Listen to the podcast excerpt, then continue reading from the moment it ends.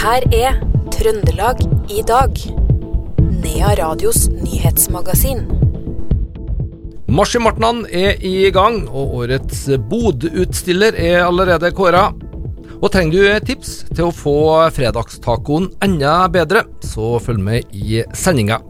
Det er nemlig noen av overskriftene vi har i Trøndelag i dag, fredag 3. mars.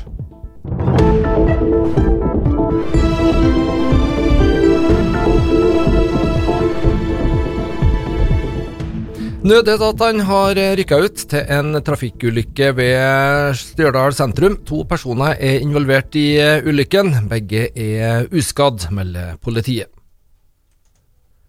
En mann i 40-åra fra Trøndelag omkom i en ulykke i Senja i Troms tirsdag ettermiddag. Det skriver Adresseavisa. Mannen havna i sjøen da han skulle ta bilder fra et berg i vannkanten. Han ble funnet av et redningshelikopter en halvtime senere.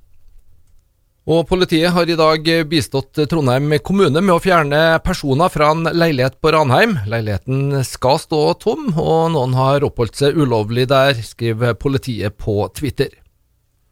Arbeidsledigheten i Trøndelag er fortsatt lav, det opplyser Nav i en pressemelding. Ved utgangen av februar var det 6411 arbeidssøkere i fylket. Av det her er 3773 helt ledige. Det utgjør 1,5% av den totale arbeidsstyrken i eh, fylket. Den lave ledigheten fører til hard kamp om arbeidskrafta. Derfor må noen virksomheter vurdere å endre kravene de tidligere har stilt til jobbsøkere, som kanskje har eh, en del nedsatt arbeidsevne eller hull i CV-en, sier direktør Torbjørn Aas i Nav Trøndelag.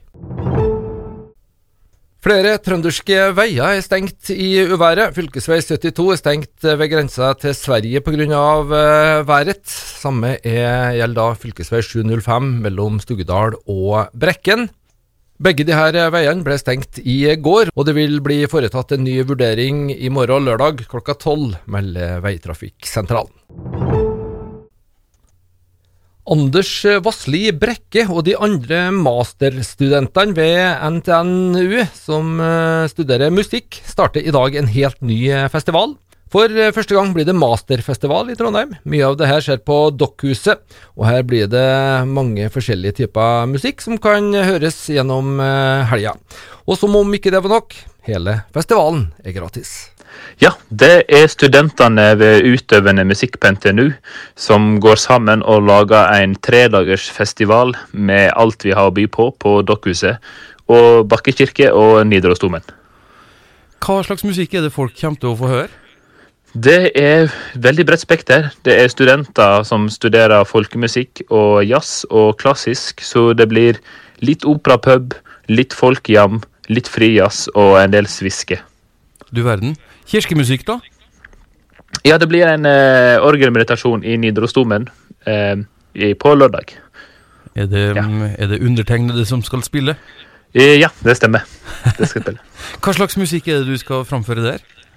Det blir uh, Finlandia av Sibelius, Oi. blant annet. Men hva er det som starta hele festivalen i dag?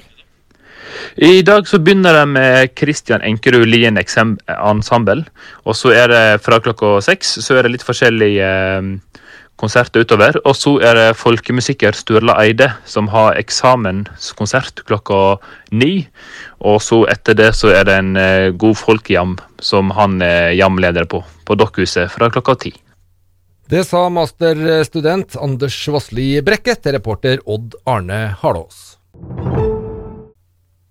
Det er ikke så ofte du får uh, mattips her i uh, Trøndelag i dag, men i og med at det er fredag og tusenvis av nordmenn uh, gleder seg til Ja, veldig mange i hvert fall gleder seg til fredagstacoen, som kanskje skal handle mest om nå, da så kan det være greit å ha med et sånt eh, innslag òg.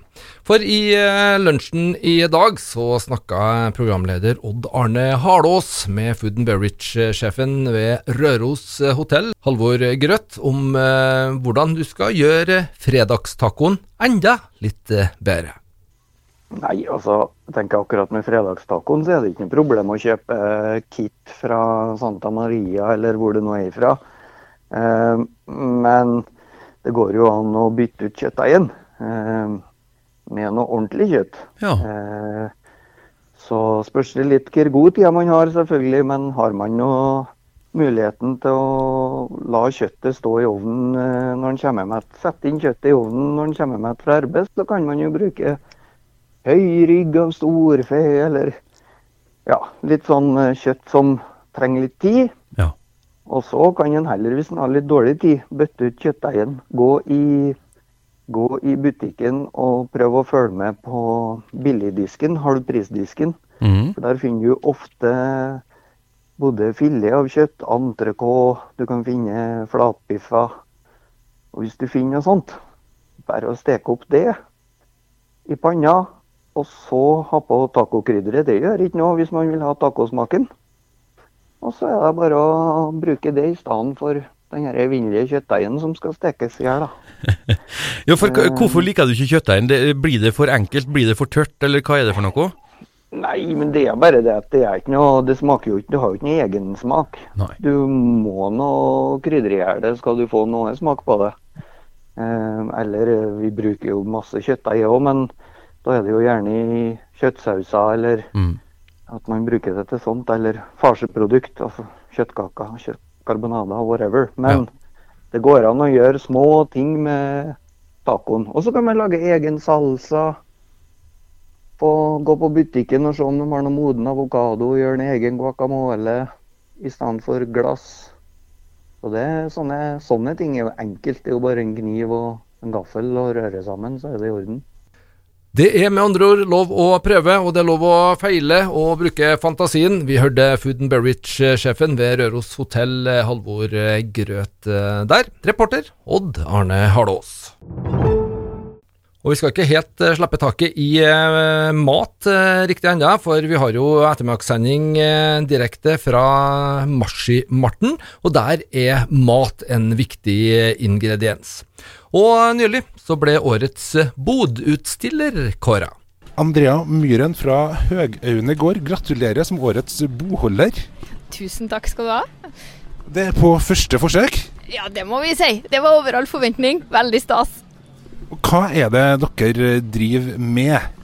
Vi er de eneste i Norge som driver med kjøttproduksjon av kanin. Eh, så har vi også eh, utegående høns hele sommerhalvåret. Eh, så får de være i drivhus på vinteren. Og så dyrker vi grønnsaker i den tallen som hønsa går i, på sommerhalvåret. Ja, så det er Dere får det men Kanin, sa du? Er det godt? Og det er nydelig. Og så er det veldig sunt. Og så er det et bærekraftig kjøtt. Det er jo kjempegodt, jo. Ja, det er godt, ja. Det er veldig Ja. godt. Det er mange som eh, mange sammenligner det med, med kalkun, eh, men lell, det, det er noe ekstra med det. Eh, og så er det det at det tåler langkok så godt. Hvilke forskjellige bruksområder har eh, kanin? Og du kan eh, lage så mye. Eh, både lyse smaker mørke smaker. Men eh, det trenger ikke å være så vanskelig.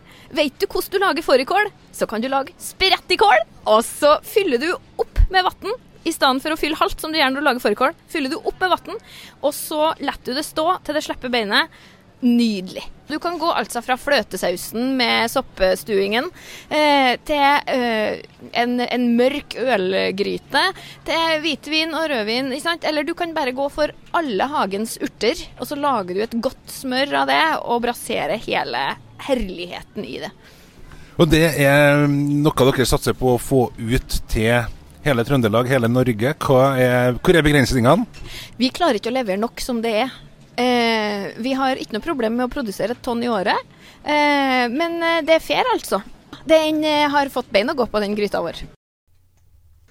Det sa Andrea Myhren fra Høgaune gård, årets bodutstiller på Marshimartnan.